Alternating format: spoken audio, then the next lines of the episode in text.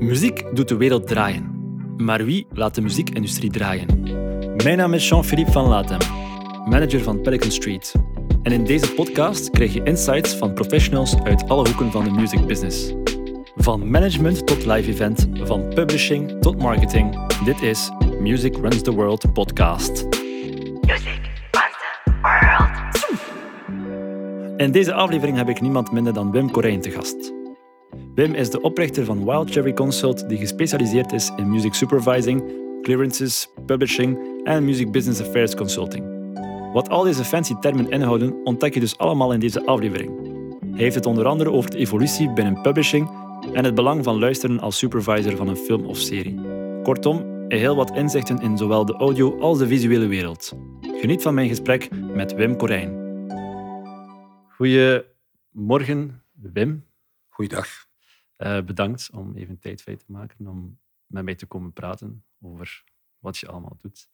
Um, ik wil eigenlijk beginnen bij, uh, niet bij het begin, maar bij het einde. Um, momenteel heb je Wild Cherry Consulting. Dat is jouw, ja. jouw wat, als ik het zo mag zeggen. Ja. Kan je misschien even in je eigen woorden uitleggen wat dat je daar allemaal onder doet? Ja. Maar ik wil eerst eens aangeven, dit is niet het einde voor mij. Het is ja, altijd ongoing, maar ik vind het mooi dat je het uh, zo benadert.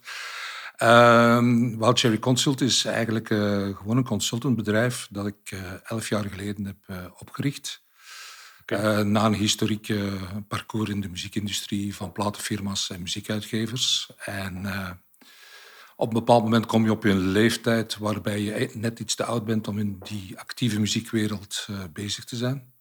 Mhm. En toen had ik de ervaring van een van mijn vorige werkgevers, waar ik heel veel met synchronisatie bezig was, met sync, clearen van muziekrechten, regelen van muziekrechten. Mm En ik uh, ben gaan rondkijken, wat is er op de markt in België? Wie doet dat? Uh, wie is daarmee bezig?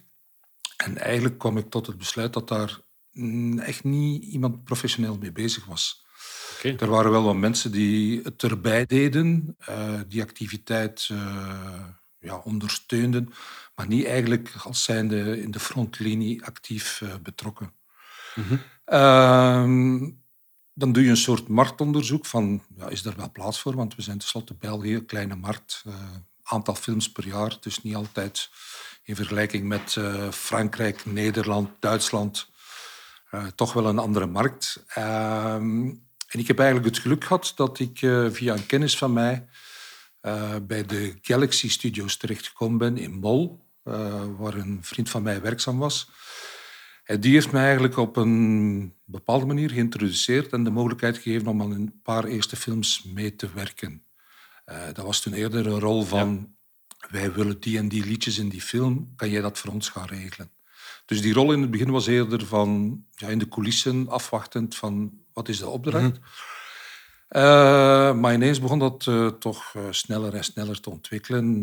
er kwamen meer en meer klanten, zal ik ze noemen, meer en meer filmmaatschappijen die toch ja, de nood voelden om die muziekrechten professioneel aan te pakken. Meestal deed iemand dat zelf erbij, ofwel was dat een assistent of een stagiair die daarmee okay. belast werd. Wat wel eens aanleiding gaf tot misverstanden, tot problemen, tot situaties waar men achteraf ja. En dat willen we die we liever hadden vermijden. Dus, ja. um, dus ik heb eigenlijk die, ja, ik heb eigenlijk een soort kleine business ontwikkeld. Uh, in het begin was dat zo'n beetje de new kid in town. Uh, je moest jezelf gaan verkopen, mm. gaan voorstellen. Maar het voordeel is met België, het is klein. En een goede mond-aan-mond reclame doet uh, heel veel. Dus ik had vrij snel een ja, goede klantenbasis. Uh, mensen in het begin waren wat argwanend. Wat kost dat? Wat is die extra service? Uh, wat moeten we daarvan verwachten? Dus ik heb toen heel veel tijd en energie gestoken in het vertellen wat eigenlijk mijn rol was. En die is eigenlijk gewoon, ik ben een intermediair. Mijn bedrijf is een intermediair bedrijf tussen mm. filmproductiehuizen, tv-productiehuizen, game-industrie, platenfirma's, artiesten en muziekuitgevers. Dus eigenlijk is dat mijn positie op, uh, op, op de markt. En door je ervaring eigenlijk in beide sectoren snap je eigenlijk goed wat dat je... Het was eigenlijk handig uh, om uh, te weten hoe de muziekindustrie in elkaar zit. En eigenlijk heb ik heel snel hmm. kunnen een inzicht krijgen hoe die film- en tv-wereld in elkaar zit. Uh, mensen waren heel open om dingen te communiceren, om te vertellen hoe die business in elkaar zit, waar de nood was. En als mensen open zijn, kan je ook beter anticiperen. Dat is waar, ja. Een soort mensenkennis is ook wel handig, dat je heel snel aanvoelt wat iemand wilt, waar het naartoe gaat. En al die dingen samen brachten erbij dat ik eigenlijk ja, op nu elf jaar later uh, ja, ongeveer aan een kleine 150, 155 film, tv-series, docu's heb meegewerkt. En in het begin, zoals ik zei, mijn rol was eerder van in de hoek wachten als muziekclearances. Je krijgt het lijstje, je gaat ermee aan de slag. Mhm. Het lukt of het lukt niet. Die rol is meer en meer ontwikkeld ook naar music supervising. Uh, dat was al nog de volgende stap, omdat veel mensen hier in Vlaanderen, maar ook bij uitbreiding in België, uh, dat graag in de handen willen houden. Uh, zij kennen hun muziek, zij weten wat ze precies willen. En dat was moeilijk om dat een stuk uit handen te geven, om daar iemand bij te betrekken, om een soort frisse blik van buitenaf mee te geven. Mm. ook kwam ik regelmatig bij het feit aan dat mensen bij bepaalde artiesten terechtkwamen waar je van zegt, oké, heb je genoeg geld om daaraan te beginnen, om die rechten te regelen? nee, dat geld is er niet. Dan moet je alternatieven zoeken. En dan kwam er heel snel de vraag, ja maar goed, als jij zegt dat het niet kan, wat is dan het alternatief? Kan je misschien eventjes, omdat je zegt music supervisor, ja. denk veel mensen weten niet wat dat begrip betekent. Kan je dat misschien even definiëren? Wat is, wat is een music supervisor? Wel, de rol in België is, van music supervisor is dat je eigenlijk betrokken wordt bij alles wat met muziek te maken heeft bij een productie. Uh, dat gaat van mm. film, televisie tot games. Uh, je zit mee aan, in de cockpit om te kijken wie is de componist die mee aan boord komt. Uh, welke muziek gaan we regelen? Uh, is er additionele library muziek nodig? Is er soundscaping? Je wordt dus eigenlijk betrokken bij gans dat parcours. Mm Nu, in België doe je daar ook nog de extra services bij van de clearances, dat je contact zoekt met die firma's, dat je de contracten mee opvolgt en dat soort zaken we zijn een klein land, een kleine markt, en dus moet je meer service leveren. Eh, als je dat vergelijkt met de music supervisor in Amerika, die houdt zich echt alleen maar bezig met het regelen van de muziekrechten, het aanbrengen van ideeën. Eh, dat is een ganz andere rol. Dus bij ons, ik denk ook in Frankrijk, Nederland, wij moeten meer diensten leveren onder de norm van music supervisor. Mhm. Eh, maar ja, je voelt soms dat sommige producenten of regisseurs er toch moeite mee hebben om dat nog te lossen. Uh, om daar iemand bij te hebben. Maar een keer dat je het vertrouwen hebt, uh, en er komen soms hevige discussies aan te passen, maar een keer dat er vertrouwen er is, werkt dat heel goed. Omdat ik kan voor hun mee bij het begin zijn, kijk, die muzikale richting, ja, maar goed, laten we de ambities bijstellen, of positief of negatief. Ja. laten we kijken welke artiesten. een van de verhalen is dat nogal veel mensen graag Coldplay willen. Uh, Coldplay is niet zo evidente band. Ik ben nu laatst wel eens van mijn stoel gevallen dat Coldplay muziek laat gebruiken in een commercial van BMW. Weliswaar elektrisch, dus ik denk, kan de beweegreden van die artiesten volgen.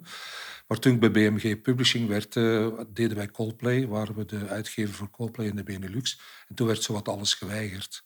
Dus ook artiesten... Omdat het niet bij hun brand past. Ja, omdat het niet past bij de brand of dat men uh, ja, uh, afstand wil houden van commercialiteit. Of er zijn nog artiesten die dat ja, weigeren. bijvoorbeeld Fateless had ik de ervaring dat Maxi Jazz is. Alles wat met vlees of met alcohol en wat te maken had, dat soort zaken kon niet op tafel komen. dus je hebt wel artiesten, wat je, en dan moet je respecteren. Dan moet je niet afkomen van Johnny Walker of wat dan ook. een commercial met Fateless. Dus je kent op de duur de gevoeligheden. Je kent ook de gevoeligheden naar de uitgevers, naar de platenfirma's. En het is vooral heel alert zijn wat op de markt gebeurt. Uh, heel veel bedrijven verdwijnen. Het is een harde zoektocht. Uh, waar zitten de rechten? Bij wie moet je onderhandelen? Uh, als je rechten uit Rusland krijgt aangeboden, ik heb niks tegen Rusland, maar dan moet je toch twee keer nadenken van wil je daar wel onderhandelen? heel veel wordt aangeboden uit het Oostblok waar je vragen moet bij stellen van uh, kan zo'n bedrijf wel die rechten aanbieden. Dus ik moet eigenlijk ja, mijn klanten vrijwaren voor mogelijke accidentenparcours. Dus, mogelijke complicaties. Heel, ja, je moet heel intens. Dus dat is eigenlijk wat ik met Wild Cherry Consult elf jaar geleden opgestart heb. En de laatste drie jaar heb ik daar een stukje bij gemaakt, Wild Cherry Pictures. Uh. Samen met mijn vrouw, uh, zij schrijft, zij regisseert, uh, hebben een drietal oh, kortfilms, ja. kortfilms gemaakt. Ja. Omdat eh, als je veel met beeld eh, bezig bent, dan wil je toch ook eens proeven van hoe dat precies in elkaar zit. Ik zelf heb die ambitie niet eh, als regisseur, als scenarist, maar ik heb een vrouw thuis die daar heel eh, bedreven in is, die met mooie verhalen komt. En jij omkadert dan de, de productie. ik probeer dan mijn rol als eh, producer op te nemen, wat vooral wil zeggen zorgen dat alles goed loopt, eh, dat je ook de centen bij elkaar vindt. En op, Ja, een, eh, ja, en op een filmset ben ik dan meestal ook degene die de catering doet. Dus om maar te zeggen van, het is een kleine opzet, maar wel een heel boeiende opzet. En daar wil ik misschien in de toekomst ja, wel dingen nog verder mee ontwikkelen, naast Wild Cherry Consult natuurlijk. Ja, ja, inderdaad. Wat zijn voor jou dan de belangrijkste eigenschappen voor een music supervisor? Want je zegt van, oké, je moet...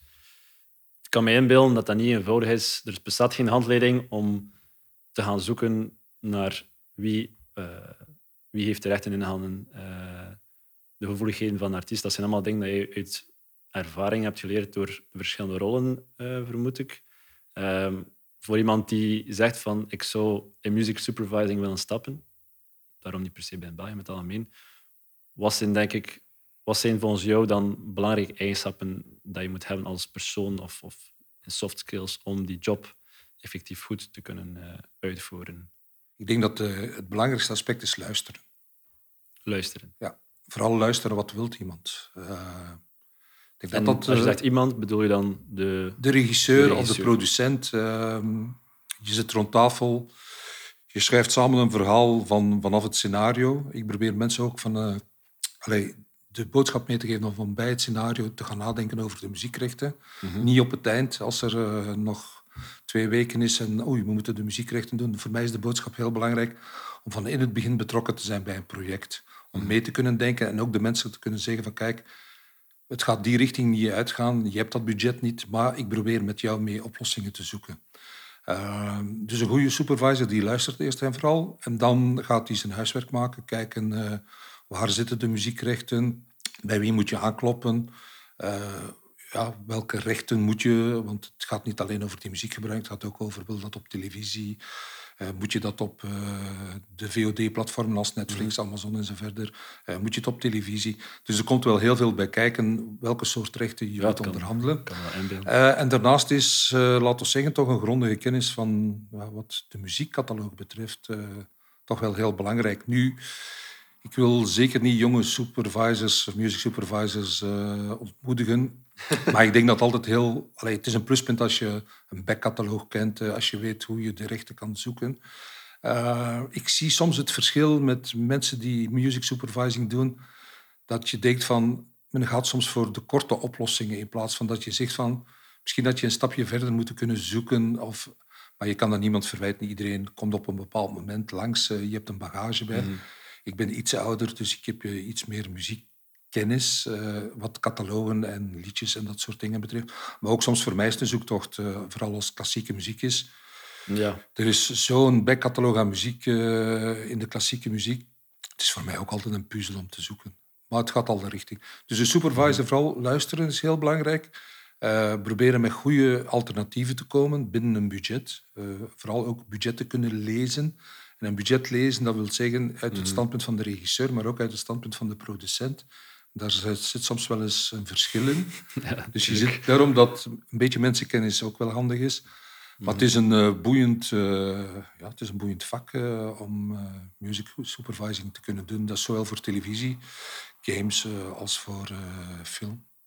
En wanneer ga je, want ik zag bijvoorbeeld in eh, wat hij gedaan had, was de Callboys. ehm Ja. Persoonlijk heel, eh, heel leuke soundtracks en zo. Ja. Ik heb daar ook eh, van gezien dat ze wel ook dingen effectief gemaakt hebben voor die serie. Ehm, wanneer beslis je van gaan we voor bestaande liedjes of gaan we iets zelf laten maken?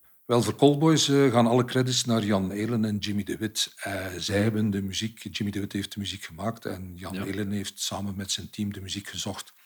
Dus in het systeem van bij Callboys was een tv-serie die voor eh, 1 januari 2019 werd gemaakt, waarbij er een, eh, een regel is in België, een blanket agreement tussen Sabam en de productiehuizen en tv-zenders, dat ze toen de muziek uit de Sabam-cataloog mochten gebruiken. Dus ze konden eigenlijk freewheelen en gebruiken eh, wat er eh, beschikbaar was met de rechten via Sabam. Mijn verhaal bij Callboys komt bij de uitbreiding van die rechten naar het buitenland. Ineens was er belangstelling voor de serie in het buitenland en de Blanket Agreement die stopt aan de grens. Dus de, speel, de spielerij die je kon doen in België met ik ga die en die muziek gebruiken, uh, stopt aan de grens. En toen mhm. werd Jan Elen uh, geconfronteerd met het feit dat zijn fantastische muziekkeuze klein beetje gedownsized werd. Uh, bijvoorbeeld, een van de mooie scènes is waar de Dire Straits gebruikt worden. Mhm. wel, wij zijn er niet in geslaagd om die rechten internationaal te regelen. Dus we hebben die in de internationale versie van Callboys moeten vervangen door andere muziek. Okay, dus ja, dat is nog iets wat erbij komt, is dat uh, nogal wat reeksen, vooral voor 1 januari 2019 gemaakt, dat die dus ja, konden gewoon gebruiken wat de Sabam-cataloog. Er werd achteraf wel verrekend met de uitzendingen. Maar één keer naar het buitenland kwam je tegen een muur op van tja, uh, hier moet je aankloppen, uh, hier moet je die, die rechten opnieuw gaan regelen. Dus mijn rol was daar gaan onderzoeken welke rechten kunnen aan boord blijven. Ik denk dat wij erin geslaagd zijn om een 60% van de rechten te regelen. Extra moeten voor betalen natuurlijk. Uh, er is library muziek bijgekomen, er is nog wat extra compositie bijgekomen. Mm Maar de internationale versie die mag ook nog altijd gezien worden. Maar verschilt dus met de Vlaamse versie. Ja. Dus dat is iets wat er toen wel bijgekomen is. Nu is dat uh, meer en meer achterhaald, omdat na alles wat in fictie gemaakt werd na 1 januari 2019, daar moeten de muziekrechten geregeld worden zoals bij een film. Dus het vrije gebruik van muziek in tv-series, ja, fictie, is aangepast. Dus uh, er is een overeenkomst tussen de muziekuitgevers, Sabam en de sector. En gemeld van, kijk jongens, bijvoorbeeld de Undercovers-series uh, of andere series die nu te zien zijn. Wel, die muziekrechten die daarin gebruikt worden, die zijn op voorhand geregeld. Dus jij moet eigenlijk echt ook goed op de hoogte blijven van de wetgeving? Uh, wel, ik... Uh, ik veronderstel niet dat je soms, het boek aan het doorlezen bent. Wel, ik sta soms ongewild op het kruispunt uh, van veel partijen. Uh, ik heb soms omroepen die mij contacteren van hoe zit het nu precies in elkaar. ik heb de productiehuizen, soms platenfirma's. Mm. Het is niet een rol die ik echt op mij wil nemen om daar in dat midden te staan, maar omdat ik toch heel veel mensen ken en met heel veel mensen in contact ben, vind ik het ook maar logisch om die informatie uit te wisselen. Ik heb veel liever dat ik iemand vooraf kan inlichten en die hoeft dan noodzakelijk niet met mij te werken achteraf, maar dat het in orde is. Als iemand uh, iets fout doet en het gaat hem achteraf een claim opleveren en hij moet daar veel geld voor betalen, dan allee, dat is dan geen fijn verhaal. Dus ik probeer waar het kan. Uh, ja, zoveel mogelijk de informatie op voorhand te geven. En het is een business die constant in ontwikkeling is. Uh, ja, is qua muziekrechten, qua masters heb je ontwikkelingen. Qua publishing is er heel veel ontwikkeling. Je hebt de Creative Commons die erbij gekomen zijn, waar mensen hun muziek ter beschikking stellen, maar waar je toch best de kleine lettertjes leest. soundscaping is erbij gekomen, waar discussie is, is het nu wel of niet muziekrechten. Mm. Je moet met heel veel partijen rekening houden. En, Allee, het vraagt een alertheid. En inderdaad, ik moet veel literatuur uh, die voorbij komt. Ja, Maar in, in, basis is het eigenlijk een heel simpel regel. Het is de, de auteurswet. Die is de belangrijkste. En van daaruit zijn er wel heel veel uh, opvolgingen gekomen en wijzigingen gekomen. Mhm. Maar voor het regelen van muziekrechten is het eigenlijk, het is eigenlijk vrij simpel te, be, allee, te bevatten. Je mag iets niet gebruiken als je de rechten niet hebt. Zo simpel is het. Ja, het is very straightforward. Ja, en ik, eh, ben, ik vind het ook altijd heel grappig dan bij filmaftitelingen soms te zien dat mensen in het Engels of in het Nederlands vermelden wij hebben alle inspanningen geleverd om de rechthebber te benaderen, uh, maar het is ons niet gelukt. En voelt iemand zich aangeroepen, uh, contacteer ons dan. En ik heb daar met advocaten, juristen al veel gesprekken over gehad. En de een zegt, ja, ja, dat, ja, dat is goed. En de andere zeggen, dat heeft totaal geen waarde. En ik ben geneigd om de laatste te volgen. Het is simpel. Als jij in je film een liedje wilt gebruiken, dan moet je dat herkennen. Als je een acteur gebruikt, wordt je ook betaald. Als je een DOP aanwerft, dan betaal je die, maak je daar een contract over. En met een scenarist maak je ook een afspraak over. Dus uh, ja, er zijn zo legio verhalen van mensen die zeggen ja, maar ik heb dat liedje gekocht op iTunes, 99 euro, en ik mag dat gebruiken. Of ik heb het van YouTube gehaald, het staat er gratis op. Is het qua je wil? Denk het niet, maar allee, er moet toch af en toe wel eens bijgestuurd worden. een uh, duidelijke boodschap naar iedereen die in film of muziek stapt. Wel, ik, ik, denk dat het gewoon gaat over het respect naar de muzikant toe. Uh, naar degene die de muziek maakt. Is het nu een componist die een score maakt? Is het uh, een auteur, een componist of hun beide samen? je moet dat gewoon respecteren. Die mensen zitten soms op een, hotel, op een hotelkamer, maar ook op een zolderkamer muziek te maken. Mhm. Eh, soms krijgen die de kans om zich te ontwikkelen, om naar buiten te komen. En dan, ja, die mensen die hebben ook recht op een vergoeding, en een faire vergoeding. En voor mij dat is altijd een soort mission statement geweest in mijn ontwikkelingen als supervisor. Ja. Ik wil heel graag Belgische muziek promoten. Wil heel graag Belgische muziek duwen in films, in internationale films. Ik zit nu ook meer en meer in het buitenland te werken, Nederland. Eh, Duitsland, uh, Amazon, Netflix-reeksen. ik probeer er allee, heel fors te duwen om ook Belgische artiesten erin te krijgen en te promoten. En dan krijg je een verhaal dat je ook die Belgische artiesten moet overtuigen om mee te gaan in het verhaal. En sommige mensen rekenen zich nogal snel rijk. Van, oh, mijn liedje gaat daar of daar gebruikt worden. Soms ja, soms nee. En als het nee is, dan moet je proberen toch mee te denken van, kijk, wil ik die promotie meepakken? jouw muziek in een serie internationaal, dat kan ontdekt worden, dat kan ineens veel streams opleveren. Uh, ik krijg regelmatig mails uit het buitenland van uh, in die film, bijvoorbeeld de film Dardenne van Robin Pront. Uh, daar zat heel veel 90s muziek in. Mm Ja, Belgium Dance uit de jaren 90. En die film die heeft zij weg toen, want ik denk dat die film ook inmiddels vijf jaar geleden is, denk ik, zaten heel veel Belgische nummers. En ik denk dat ik twee, drie mails uit Amerika heb gekregen van God, dat fragment, wat nummer is dat? Ook uit Frankrijk okay. krijg regelmatig vraag van films die de grens overgaan. Dus je voelt dat, ja, dat er liefhebbers zijn die dat volgen. Eh, die willen weten welk liedje is waar gebruikt. Er zijn natuurlijk veel websites, TuneFind en zo. Maar die zijn nog niet zo allee, bijgewerkt qua Belgische films. Mm -hmm. uh, maar het is interessant om op op die websites... Ik gebruik die ook om te kijken, tja, wat hebben ze daar gebruikt? Uh, dat is ook een passie voor mij om series te zien en films te zien en te kijken. Ja. Welke muziek hebben ze gebruikt? Uh, ja, welke liedjes? Soms vind ik het verrassend dat bepaalde liedjes overal terechtkomen. Je hebt mhm. soms liedjes die vier, vijf keer op korte tijd gebruikt worden, omdat het allemaal non-exclusieve rechten zijn, want exclusief kan je gewoon niet betalen. En soms hoor ik muziek van ik denk van, wauw, wie heeft dit gevonden? Waar kan ik... Dus ik shazam ook regelmatig om te horen. Dus uh, voor mij is het... Ja Netflix, Amazon, Disney, de, de gewone lineaire zenders, VRT. Als ik dingen hoor, terugspoelen, shazammen, ik leer elke dag bij. Dat is het leuke aan een music supervisor, dat je elke dag zoveel impulsen krijgt van nieuwe muziekprikkels. En allee, ik ben nu bijvoorbeeld compleet weg van The War on Drugs. Een ah, fantastische band. Uh, ik denk van, oh, ik moet dat echt eens in een serie krijgen. Dat is dan wel geen Belgische band. Dat is dan meer persoonlijk zo van... Ik vind dit op een of andere manier zo filmische muziek, dat ik mhm. denk van, wauw, die wil ik wel eens, uh, als ik die kans krijg. Ja. Maar dan zal het ervan afhangen, dat management, uh, die, die uitgever, dat label, zijn ze bereid om naar Belgische normen, want onze vergoedingen in België ja, die liggen wel een stuk lager dan in Amerika. Maar soms, allee, één voordeel is na al die jaren dat, uh, dat België eigenlijk wel op de kaart gezet is. We hebben goede films gemaakt de laatste jaren, we hebben goede tv-series. En je moet minder en minder uitleggen waar dat België ligt. En Binnen die sector. Is, ja, uh, we hebben voor een documentaire hebben we Bob Dylan rechten kunnen regelen waar je van denkt van wauw, niet evident. Uh, er zijn nogal artiesten voorbij gekomen dat je van denkt, ik wil het proberen, maar ik geef het mezelf weinig kans. Mm. En toch slaag je erin en dan, ja, dan is dat een fantastisch gevoel dat je zegt, tja, en dan vraag je hoe komt het? Ja, de, het scenario was goed, we vinden het leuk. Maar ook België wordt meer en meer... Allee, we beginnen toch ook een beetje zoals de Deense, Zweedse producties die internationaal gekend zijn, worden de Belgische producties ook meer en meer gewaardeerd. Dus ja, er zijn uitgevers, er zijn labels, er zijn artiesten die ja, hun muziek erin willen. Dus ja, nieuwsgierig blijven eigenlijk. Ja, nieuwsgierig blijven, maar in tegenstelling tot wat mijn job eigenlijk is, is het ook aan mij soms om mensen uh, af te remmen in muziekgebruik. En nu ga ik iets tegen mijn winkel vertellen, maar ik heb liever dat we twee goede liedjes vinden in een film en dat die echt bepalend zijn. Of dat we een soort jukebox maken waar je van denkt, er zit veel te veel muziek in. Mm Dus dat is ook een goede supervisor zijn. Dat is durven zeggen van, ik vind op dit moment dat er te veel muziek gebruikt wordt. Wat is de toegevoegde waarde?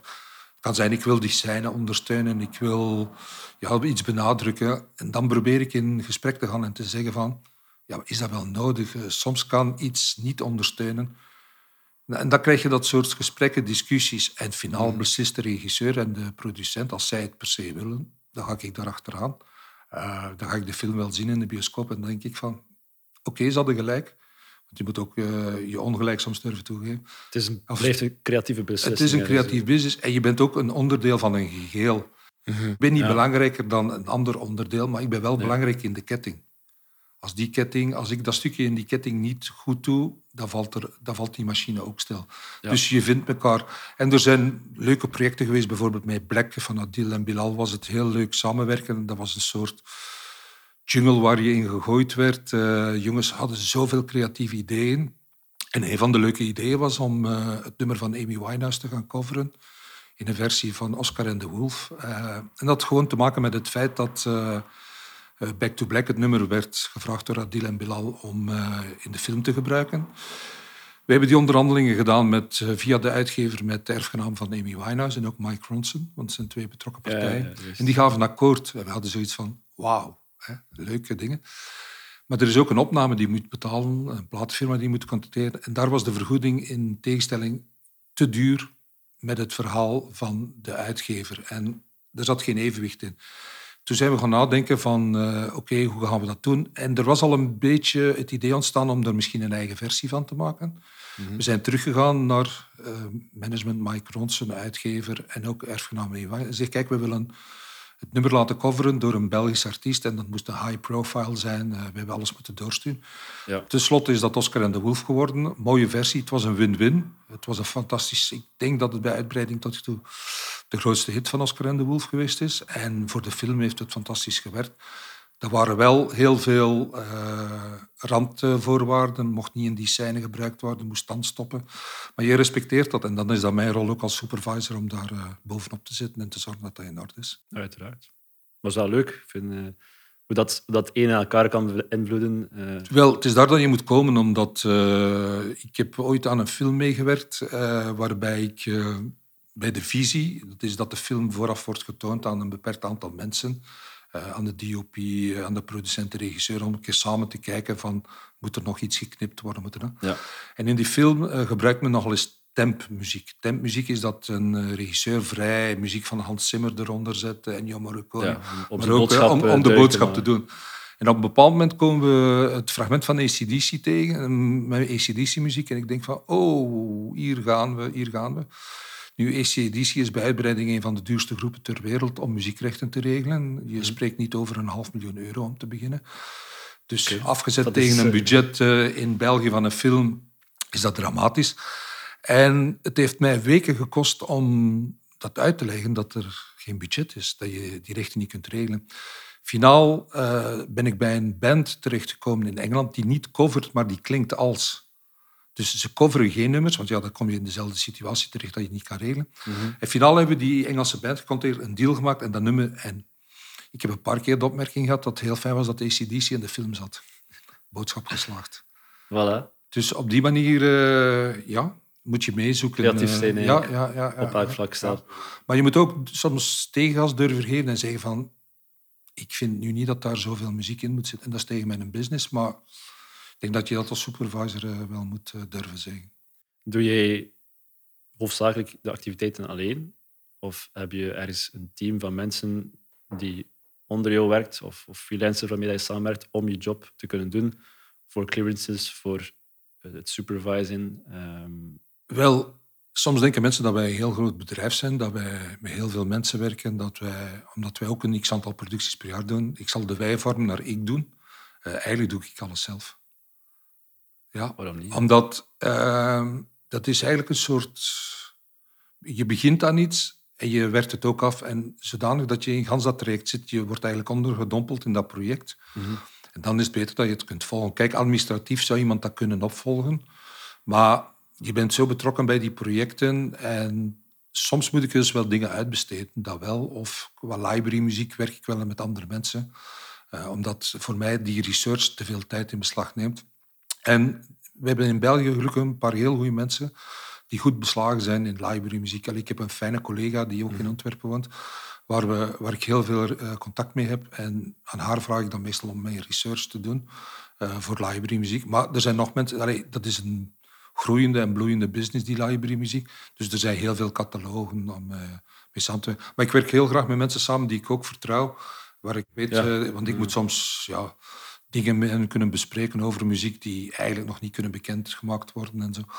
Maar eigenlijk, het ganse trek doe ik zelf. En soms uh, ja, moet je jezelf af en toe ordenen om bij ieder project uh, weer erin te stappen. Bijvoorbeeld tijdens corona was dat uh, soms projecten die ja, een half jaar zijn blijven liggen. En dan moet je terug geestelijk in dat project terechtkomen, omdat... ja Allee, wat is er ondertussen gebeurd? Uh, hoe ga je er weer mee om? Heb je zelf stilgelegen ook tijdens corona?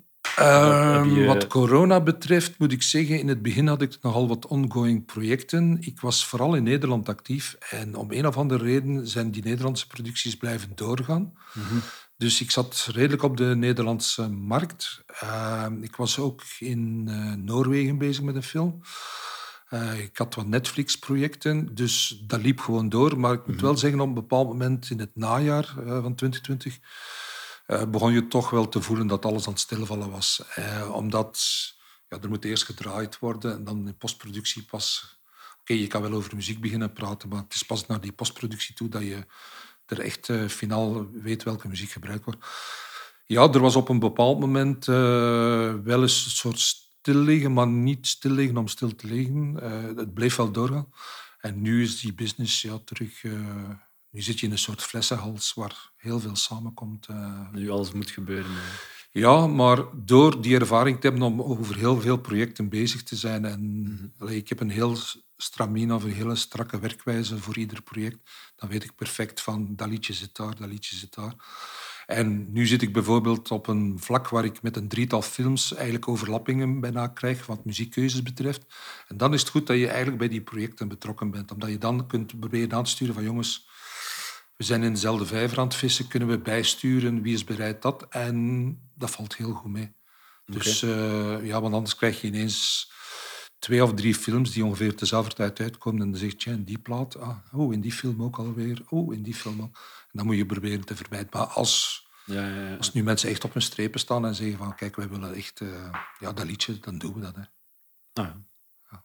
er is weinig. Maar nu, ik, ik heb me nu met die drie projecten is het een soort toeval dat ik bij alle drie betrokken ben.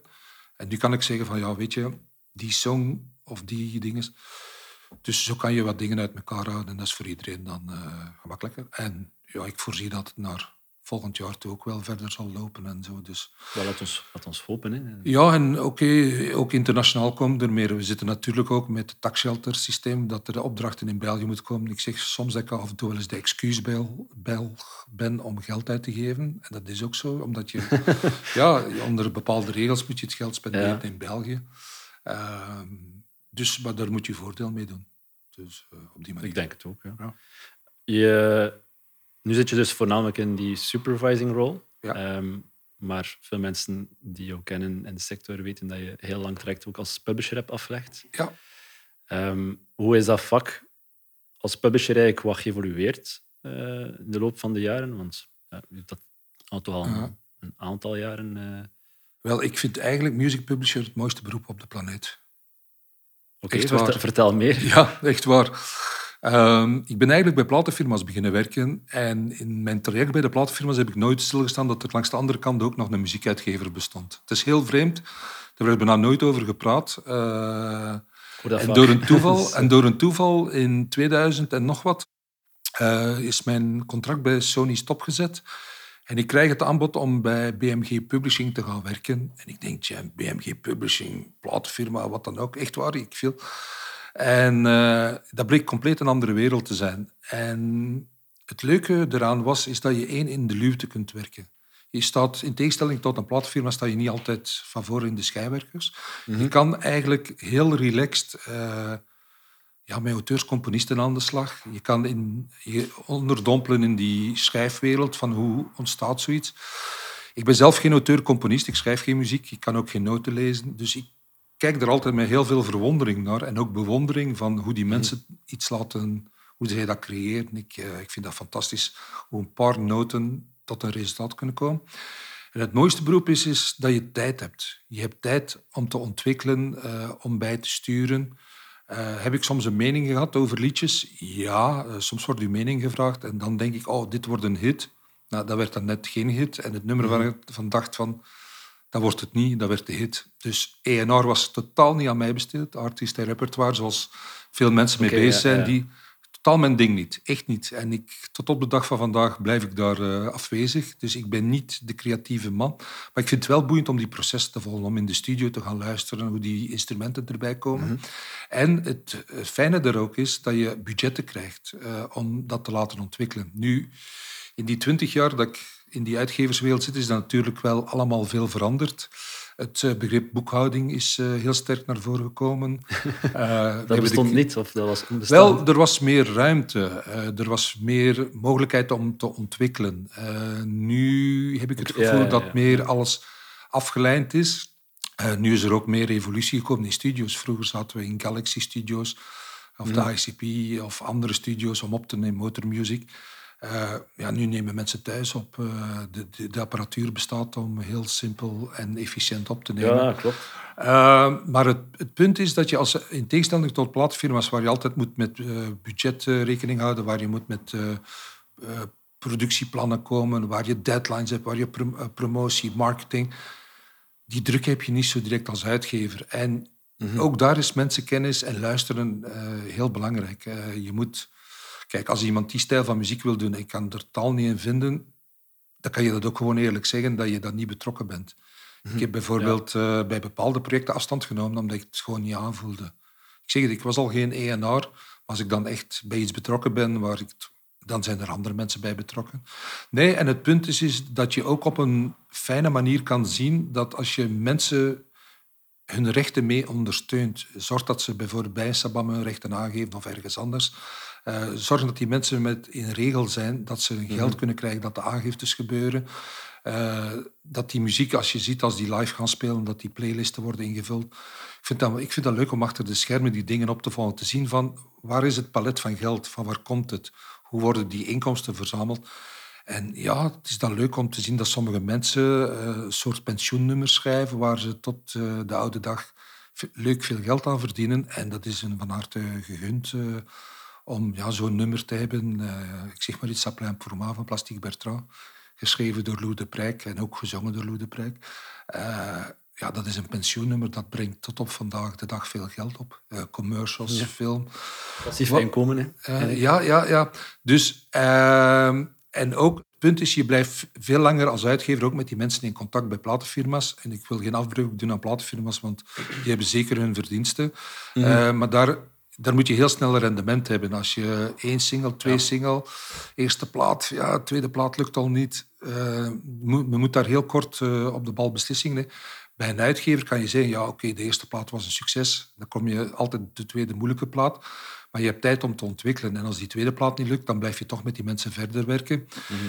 En als het op een bepaald moment op is, uh, want er worden altijd verwachtingen gecreëerd uh, naar de uitgever toe, maar ook naar de auteur-componist. En mijn principe was altijd van, uh, als je elkaar niet meer vindt, stop ermee. En toen vond ik een contract op dat moment niet meer belangrijk. ik heb samenwerkingen stopgezet, weliswaar in samenspraak met het bedrijf waar ik voor werkte, maar gewoon omdat ik het niet meer aanvoelde en zij voelden het niet meer aan met mij. Wij waren niet meer tevreden over elkaar. Dat, kan, dat kunnen kleine dingen zijn, maar dat kunnen grote dingen mm. zijn. En dat was altijd mijn insteek om als uitgever proberen mezelf te zijn. Uh, niet te moeten zitten faken, want dat gebeurt wel eens in die wereld en ook wel in een andere wereld. Maar gewoon jezelf te zijn en ja, te zeggen, oké, we, we, hebben het geprobeerd samen, maar het, is tot, het heeft niks opgebracht. Dus doe vooral uw ding verder. En achteraf blijken mensen dan heel succesvol te zijn. Dus nog eens heb ik verkeerde keuzes gemaakt, waarschijnlijk wel. Maar ik kan in, in de samenvatting van, van wat ik tot nu toe doe, ik heb eigenlijk nooit carrières gebroken, maar ik heb er ook niet echt gemaakt. Allee, ik kan dat heel eerlijk van mezelf zeggen. Ik heb uh, niet aan de wieg gestaan van artiesten die dan groot geworden zijn. Ik heb wel op de juiste moment op juiste plekken geweest. Bijvoorbeeld toen Idol begon in 2002 of 2003, ja. uh, werd ik bij BMG Publishing. Ik zat naast het kantoor van BMG die de plaat uitbracht van Natalia, Brahim, Peter Everaar en Wim Soetar. Wel, dan zit je aan de bron om liedjes uh, naar voren te brengen. Wim Soetar, zijn hit, uh, allemaal is geschreven door mensen die bij mij in de publishing zaten. Ik vond het leuk om met Peter Everaar een paar nummers uit Amerika aan te leveren. Voor Natalia hebben we een paar covers, maar ook een paar schrijvers aangebracht. Uh, Brahim is gaan samenwerken hier lokaal, ook een paar nummers. En dat is een leuk groeiproces. Je ziet, ah, die nummers mm die lagen al lang op in een bureau. Eindelijk hebben die een performer gevonden. Dus ik was op dat moment gewoon op de juiste plek, op het juiste moment. En dan zie je dat ook groeien. en zo heeft dat een paar keer geweest. maar om nu te zeggen van ik sta aan de wieg van ik claim het ouderschap van een of andere artiest, dat ik niet. ik heb misschien dingen toegevoegd of toegebracht. Of ik heb misschien ook wel eens foute dingen aan een artiest gezegd of aan een componist. Maar ik heb er geen, uh, geen carrières gebroken of gemaakt. Ik heb gewoon mijn, mijn weg uh, afgelegd. Heb je dan, maar je zegt aan, niet aan de wieg van artiesten, maar heb je aan de wieg gestaan van bepaalde componisten, auteurs die hun begin hebben meegemaakt met jou of mee dat je een traject hebt afgelegd, die voor hen dan iets, iets een carrière heeft opgebracht? Dat je mensen die niet per se op de plaats staan, maar zo achter de schermen ook gewoon schrijven? Bij platenfirma's uh, ben ik nooit artistiek bezig geweest. Ik, heb altijd, uh, ik ben ooit bij Arcade begonnen. Een mm -hmm. platenfirma die bekend was van zijn verzamelcompilaties. Dus ik heb altijd uh, dat soort jobs gedaan. Backcatalog-exploitatie, compilaties gemaakt, nooit artistiek. Ja. Dus ik heb wel in dat vakgebied wel misschien de verdienste gehad dat ik uh, Lukke Knuffelrock-cd's heb samengesteld. dat daar 200.000, 300.000 exemplaren in België van verkocht geweest zijn. Dus die verdiensten zou ik wel durven claimen dat ik een x-aantal compilaties gemaakt heb die in België uh, succesvol geweest zijn. Ik heb ook uh, eigenlijk het geluk gehad om, toen ik bij Polygram werkte, om met de Fondation Brel een compilatie-cd van Jacques Brel te mogen samenstellen. Okay. Bij een vlakke land, uh, goed verkocht in die tijd. Uh, ik heb de serie, met de complete kleinkunstcollectie die toen bestond, die hadden al een volume of drie. Ik heb daar volume 4, 5 een best-of kunnen van maken. En dat was eigenlijk echt mijn dada, om te grasduinen in welke rechten kan ik verwerven, wat kan ik bij elkaar brengen. Het ontwikkelen van die commercials, van die tv-spots. Uh, Arcade was daar de leerschool. Ik heb dat verder gezet bij Polygram, later ook bij Sony. Om echt, hoe maak je leuke tv-commercials, hoe, hoe bied je dat product aan? Uh, dus dat is misschien wel iets wat ik zou zeggen, daar heb ik een verdienste in, omdat daar ook heel weinig mensen in België toen mee bezig waren. Je had er drie in België die compilaties maakten. Uh, naar het artistieke toe, ik denk dat ik waarschijnlijk wel her en der mensen de mogelijkheid heb gegeven om zich te ontwikkelen, om een pad af te leggen. Uh, maar tegen dat dat goed en wel op de rit zat, heb ik toen voor BMG Publishing de overstap naar Nederland gemaakt. omdat ja, het werd bezuinigd op kantoren. En toen ben ik eigenlijk in die Hyacink-wereld terechtgekomen. En ben ik eigenlijk niet meer echt artistiek uh, bezig geweest, wat al niet echt mijn ding was. Ja, ja nee, nee. Maar uh, ja, toen ben ik eigenlijk in de wereld gekomen van commercials. Uh, in Nederland was dat vrij heftig. Eh, om maar eens een voorbeeld te geven. Ik heb ooit een campagne gedaan voor het CDA in Nederland. Mm -hmm. Een politieke partij. En die wilden Roger Glover gebruiken, La Vezal. Hit uit de jaren zeventig. Ik dacht, ja, politieke partijen, muziek, eh, dat ligt altijd heel gevoelig. Maar ik slaagde erin via de uitgever om die rechten te verwerven. Het CDA heeft die campagne gebruikt. Eh, ze hebben toen ook dat jaar gewonnen. Ik weet niet of het met de muziek te maken had. Uh, maar er is heel veel commotie door ontstaan. In die periode was er nog niet zo de sociale media, maar de pers viel daarover. en dan was er nog eens verkiezing en ze wilden het nummer opnieuw gebruiken. En toen kreeg ik ferm een fax binnen van Roger Glover dat hij echt er niet meer wou mee, meewerken. Want ze hadden toen de toestemming gegeven omdat er een mooi bedrag tegen stond. Maar er was, hij was zo gestalkt geworden dat hij zijn ziel verkocht had aan, uh, oh, aan, een, aan, een, partij. Dus uh, ja, dat soort dingen, daar rol je in. En ik heb toen ook Plastic Bertrand aangehaald met Saplin pour moi ja, dat was een van de liedjes die ik toen vertegenwoordigde in de catalogus. En ja, dat was... Elk jaar was dat groot feest met dat nummer. Het is on... Ik vind het... Ik blijf er met grote ogen naar kijken dat dat liedje tot op de dag van vandaag zoveel gebruikt wordt. Het zit huidig weer in een commercial van een of ander Grana-product. Ik heb dat in die zes jaar dat ik voor BMG gewerkt heb, ik denk dat dat in 16 films en 36 commercials wereldwijd gezeten heeft. Dus om maar te zeggen, allez, als je daar ook achter staat, doe je er ook veel voor. Je, je probeert dingen aan te brengen. Mhm. Ehm, dus mijn traject naar het artiesten, componisten ondersteunen was eigenlijk vrij snel uh, drooggevallen. Ja. Doordat ik... En in Nederland was dat heel heftig. Dat was een heel... Uh, wij hadden heel mooie catalogen. Uh, wij deden deals met Foreigner, Cold Ice voor een bepaald reclamemerk, Paul Weller, Brian Ferry. Dus we hadden echt wel heel veel leuke muziek in commercials. Mm. R. Kelly, I Believe I Can Fly voor KLM. Wel die mensen moeten uitleggen dat dat niet echt over vliegen ging. Uh, I Believe I Can Fly, dat een soort state of mind was. Campagne is uh, ook stopgezet geweest uh, om verschillende redenen. Dus je komt wel wel leuke of minder leuke dingen tegen. En, dus je had ook, als ik het goed... bij BMG zat je ook meer een overzienende rol. Uh, dacht ik als general manager op tijd. Ja, ik was daar uh, verantwoordelijk voor de sync-afdeling. We zaten met vijf mensen. Wij hadden library muziek, een heel goede library-cataloog. Mm -hmm. uh, wij hadden mensen die op bezoek gingen naar de reclamebureaus, filmmaatschappijen. Ja. en wij hadden een heel mooie cataloog, maar voor mij was het dan ook beperkt tot de muziekrechten van die cataloog. Dus je had heel veel artiesten. Maar als bijvoorbeeld iemand kwam aankloppen en die wou de muziekrechten van een andere artiest die wij niet vertegenwoordigen, ja, daar kon je geen rol in spelen. En dan is de rol van music clearances en music supervisor voor mij nu veel interessanter. Ik ben aan niemand gebonden. Ik werk wereldwijd. Ik onderhandel van Japan tot Amerika, tot in Vlaanderen, tot in Brussel. Uh, overal waar muziekrechten te vinden zijn en waar ik ze moet halen, ga ik ze halen. Dus ik ben nergens aan gebonden en dat maakt het ook veel interessanter. Je bent niet meer beperkt. Als we het een beetje hebben over de, de nieuwe technologieën, de nieuwe stromingen uh, binnen muziek. Uh, streaming heeft een heel grote opkomst gekend. Um, nu, ik lees nog altijd vaak dat de inkomstenverdeling van streaming heel moeilijk is naar auteurs toe. Um, wat is jouw gedacht daarover? Uh, streaming en, en het inkomstenmodel naar auteurs toe? Ik moet eerlijk zeggen, toen Spotify eraan kwam en ook Deezer, ik zat daar naar te kijken en ik snapte het eerlijk gezegd niet zo goed. Mm ik, had, ik werkte toen nog voor een muziekuitgeverij op dat moment en daar zaten een paar jonge mensen op kantoor bij ons, eh, bij die platenfirma. Die hebben mij dat uitgelegd. Ik geef dat eerlijk toe. Ik had zoiets van, wauw, wat is dat hier? Eh, alles bij elkaar. Mm En ik vond het een zeer beklemmend gevoel naar auteurs, componisten, naar mensen die hun geld daar moesten mee verdienen. Dat was het eerste dat bij mij opkwam. Van, tja, Vroeger verkocht je een cd, je had daar inkomsten over, je wist zoveel cd's verkopen, dat bracht zoveel op. En nu zit je met een model waar dat iedereen met zijn abonnement of geen abonnement, reclame, uh, muziek kan beluisteren. Je wordt er geen eigenaar van. Dat is wel een heel duidelijke nuance in het verhaal. Maar je kan er wel on, ja, blijven naar luisteren, dus onbeperkt naar luisteren. En ik, ik snapte het in het begin niet. En ik moet eerlijk zeggen, ik heb pas een jaar en een half geleden een account gemaakt. En nu ben ik daar echt wel... Ja, ik geniet er nu ook van, omdat... Voor mij is het ook een werkinstrument geworden, omdat... Ik ben iemand die heel... Ik ben een vinylliefhebber, cd-koper, vinylkoper. Uh, ik ga graag naar winkels, maar ja, die worden minder en minder.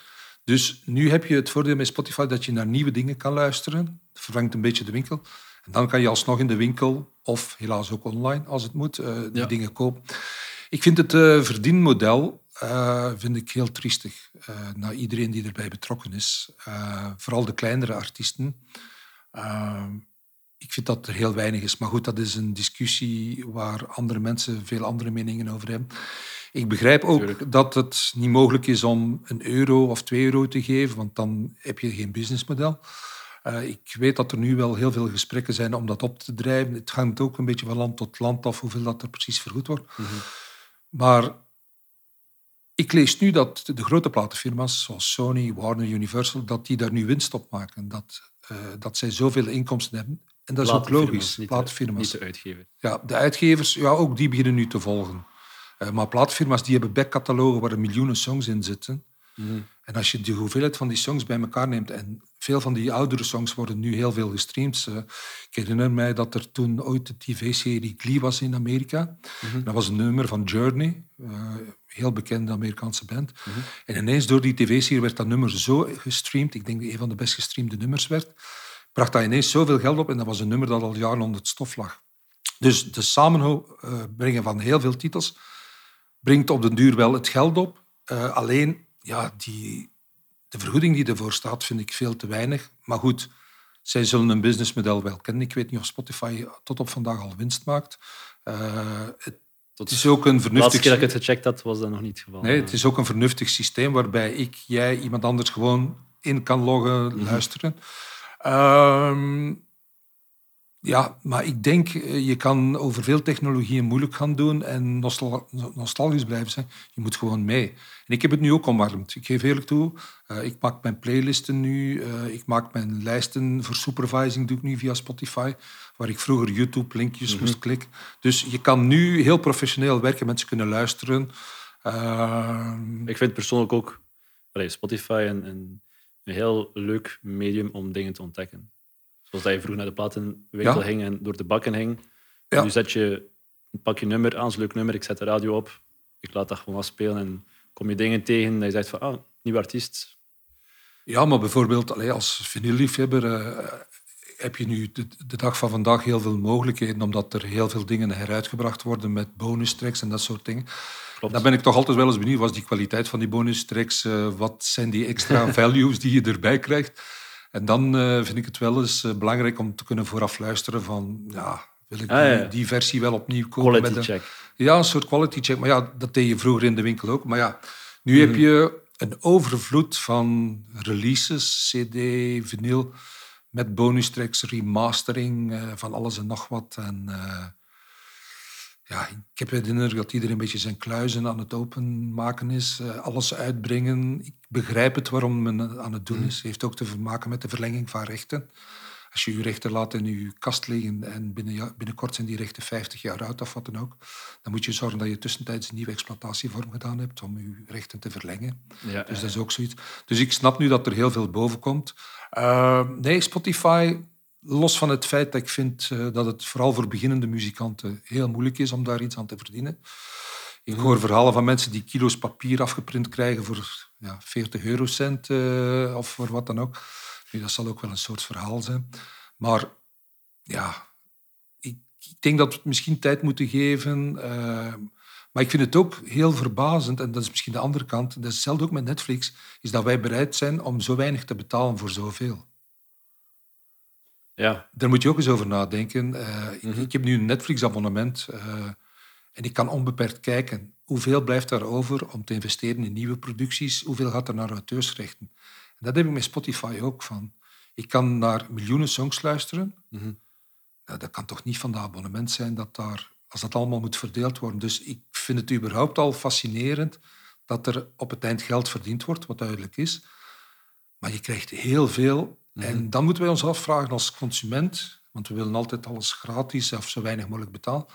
Maar is dat wel een faire vergoeding die wij betalen? En dat is een vraag waar ik wel alles mee zit. Ook van mezelf naar Spotify. Zo van, wacht, ik kan hier gewoon naar alles luisteren. Ik kan dat met een iPhone, ik kan dat met een auto.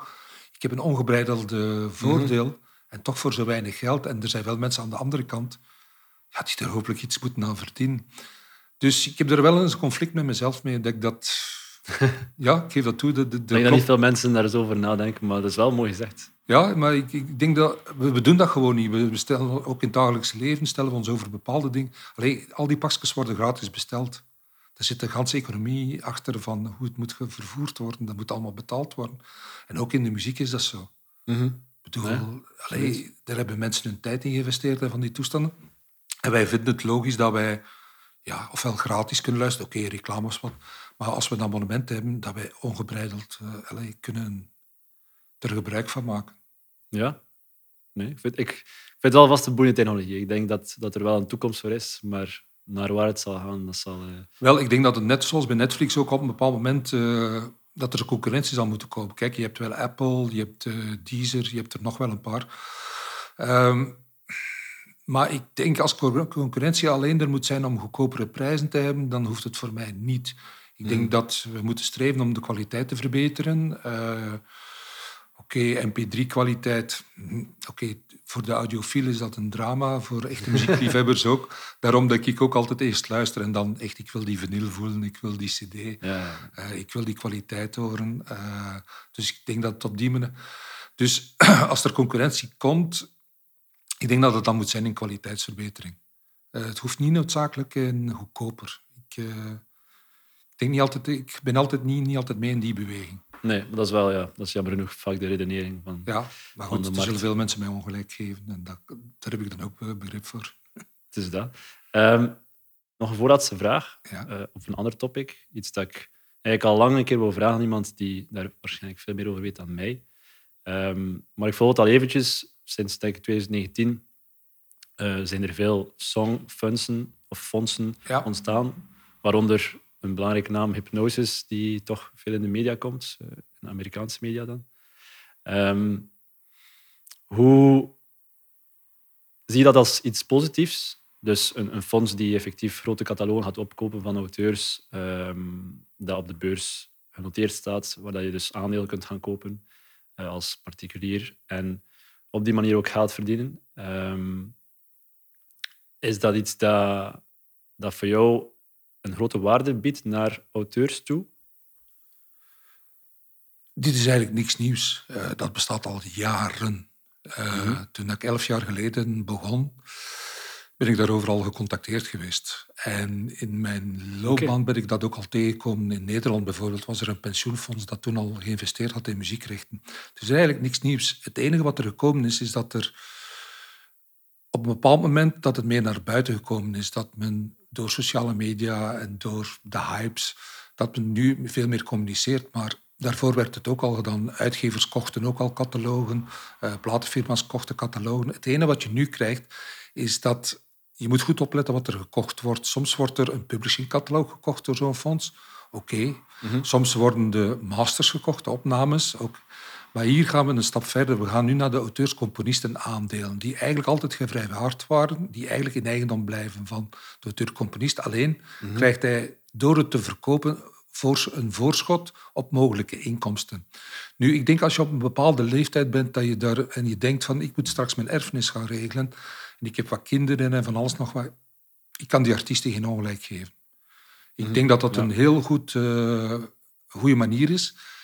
Ehm, het is natuurlijk de, de kracht en de macht van het grote geld. Daar kan je, als ik dat zou willen doen, nou, ik sta zelfs niet achteraan in de rij, ik sta niet in de rij zelfs. Ehm, ik ben er principieel niet tegen. Eh, het is alleen een extra partij die erbij komt. Naast de uitgever, naast het label, naast de auteurcomponist krijg je nog een partij. En afhankelijk van wat die kopen, moet je zien hoe gaan zij dat verder exploiteren. Want als het maar kopen is om het in de kast te leggen en stof te vergaren, dan heb je er geen boodschap aan. Dus je moet ervan uitgaan dat die fondsen investeren om daar ook een verdere groei mee te ontwikkelen, dat daar opnieuw muziek en films kan gebruikt worden. Dus zij mogen nooit een storende factor in dat geheel zijn. Nu, ik heb ook geen indicaties dat zij eh, dat op die manier doen. Zij zetten echt vol in in het kopen. Maar natuurlijk wordt het nu wel uitvergroot. 300 miljoen dollar, 300 miljoen euro daar. Eh, er is ineens veel geld, maar dat is niet alleen in de muziek, dat is overal voor het ogenblik. Ja. Ehm, ik vind dat op zich een vrij goede evolutie. Ehm, niet iedereen is diezelfde mening toegedaan. Eh, men vindt het een soort uitverkoop. Maar ik kan wel de beweegredenen van die fondsen eh, volgen, ook van die auteurs-componisten. Het enige wat ik mij afvraag, op een bepaald moment, eh, als je het bij die fondsen onderbrengt, op een dag gaan die dat ook wel weer verkopen. En daar stel ik mij wel vragen bij. Die, volgens mij hebben die een soort levensduur van een x aantal jaar. En zoals bij veel dingen, op een bepaald moment gaan die doorverkopen. En dan denk ik dat het een beetje onoverzichtelijk gaat worden van waar gaat alles terechtkomen. En vooral omdat je bij sommige mensen kan je gewoon alles aankopen. De auteursrechten, de masters, omdat ze alles hebben. Je moet goed kijken wat er precies verkocht wordt, hoe het verder geëxploiteerd wordt. Uh, maar je kan het toch niet tegenhouden. En ik denk op zich...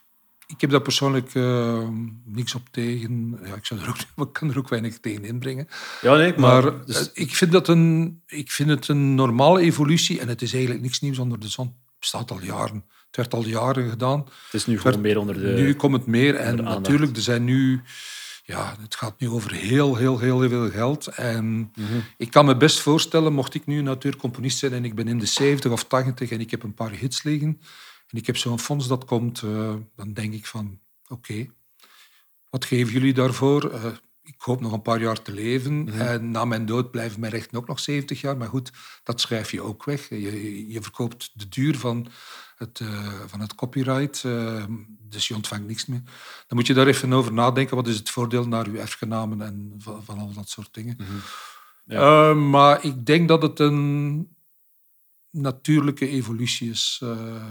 Dat okay. je dat soort dingen ziet voorbij komen. En ik denk dat er ja, dat nog meer en meer zal zijn.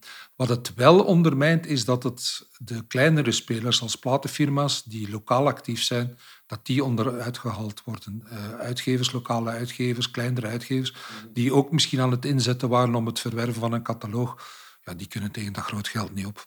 Ja, en dan krijg je in heel veel dingen... Uh, je hebt vraag en aanbod, maar je hebt ook wat is de financiële inbreng. Dus wat dat betreft... Uh... En gaan die fondsen effectief aan gaan werken op die catalogen? Gaan die die gaan exploiteren en ik, uh, ik, heb nu de, ik heb nu de informatie, uh, wat ik erover kan vinden, is dat ze inderdaad deals maken met de traditionele platenfirma's of uitgevers. Dus Of dat zij een nieuw bedrijf opzetten die dat gaat exploiteren. Maar je voelt dat zij zijn gewoon een tussenschakel die een stuk rechten mee verwerft. Maar zij zelf zijn daar mhm. niet uh, echt de exploitatiemensen voor. Zij besteden ja. dat weer uit. En, en dat is ja, gezond, uh, want een cataloog moet leven. Een cataloog moet, zoals oude liedjes, uh, moet je af en toe wel eens weer van onder de stof halen, dat die een nieuwe opname krijgen. Een leuke cover, uh, iets dat gebruikt wordt voor een campagne. Allee, als je mooie titels zitten hebt, is er zullen natuurlijk heel veel mhm. liedjes in zitten die nooit het levenslicht nog zien, omdat ja, er is nooit iets mee gebeurd. Maar er zijn zo heel veel muziek die... Het hoeft niet altijd de hits te zijn, maar soms zitten daar mooie nummers in die door een of andere acquisitie ook weer boven komen. Dus het hangt allemaal vanaf welke soort mensen dat eigenlijk... Als je echt de moneymakers hebt, die echt investeren mm om rendement, die zitten er ook tussen, uh, dan, uh, dan heb ik wel mijn twijfels erover. Maar ik weet er op dat moment nu, op dit moment ook niet genoeg over. Mhm. Maar ik weet de hele grote die nu spelen, zoals een KKR bijvoorbeeld, dat is een investeringsfonds die mee investeren en die laten door BMG een exploitatie doen. En je ziet dat er heel effectief wordt opgewerkt. Maar dat is maar een voorbeeld. Er zullen er nog meer zijn. Oké, super. Kijk, we zijn bijna aan het laatste uh, van ons gesprek. Okay. Um, ik heb een heel laatste vraag. Het is uh, iets misschien persoonlijkers. Als je een bucketlist zou hebben, wat staat er nu momenteel bovenaan je bucketlist? Wat is het eerste dat je zegt van dit wil ik eigenlijk verwezenlijken in, uh, oh. in de korte toekomst? Of, wel... ik, ik, heb eigenlijk nooit gewerkt met een bucketlist. Ik heb de dingen op mij altijd laten afkomen. Uh, Ik ben van jongs af aan in de muziek gerold. Eerst gewoon als DJ, zoals veel jongeren. Uh, met muziek-DJ. Uh, eh, daarna ra vrij radio in die periode. Radio gemaakt, tv gemaakt. dan in de muzieksector terechtgekomen. En ik heb altijd het gevoel gehad van... Als ik dingen ging opzoeken, dan was het net niet. En door veel mensen te ontmoeten, veel gesprekken, zie je opportuniteiten. En een bucketlist, ik weet niet of ik... Eh, ik ben niet het type dat nu nog een berg moet gaan beklimmen of uh, bungee springen moet gaan doen of zo, dat soort dingen Kon niet. zijn, hè? Uh, nee, ik ben niet zo avontuurlijk aangelegd. Ik ben al iemand die de dingen graag onder controle heeft. Dat maakt het ook als supervisor iets gemakkelijker dat je heel gefocust kunt blijven. Mm -hmm. nee, ik denk gewoon de dingen op mij gewoon laten afkomen. Uh, ik zet niet echt dingen uit. Je hoopt gewoon dat je met je familie gezond blijft, dat die dingen blijven. En ik hoop nog redelijk lang actief te kunnen blijven in hetgene waar ik mee bezig ben. En dus ik denk dat dat mijn, mijn, belangrijkste ding is op mijn bucketlist. Gewoon gezond uh, blijven met muziek kunnen bezig zijn. En ja, af en toe de voldoening halen over wat je realiseert. En dat zijn kleine dingen. En meestal geniet je daar alleen van, maar dat is ook genieten. Dus, uh... Absoluut. Dank u wel, Wim. Graag voor uh, deze uiteenzetting en de interessante kennis dat je hebt bijgebracht op deze podcast. Allee, voor mij toch al sinds. Um, ik wens je sowieso veel succes met uh, de toekomst. Uh, je bent al lang bezig, maar ik denk dat er nog een, een lange weg te gaan kan zijn. Um, bedankt. Oké, okay, dankjewel. Salut. Bedankt om te luisteren. Vond je het interessant? Deel dit gerust met iemand die meer over de industrie wil weten. Ik zie jullie in de volgende aflevering.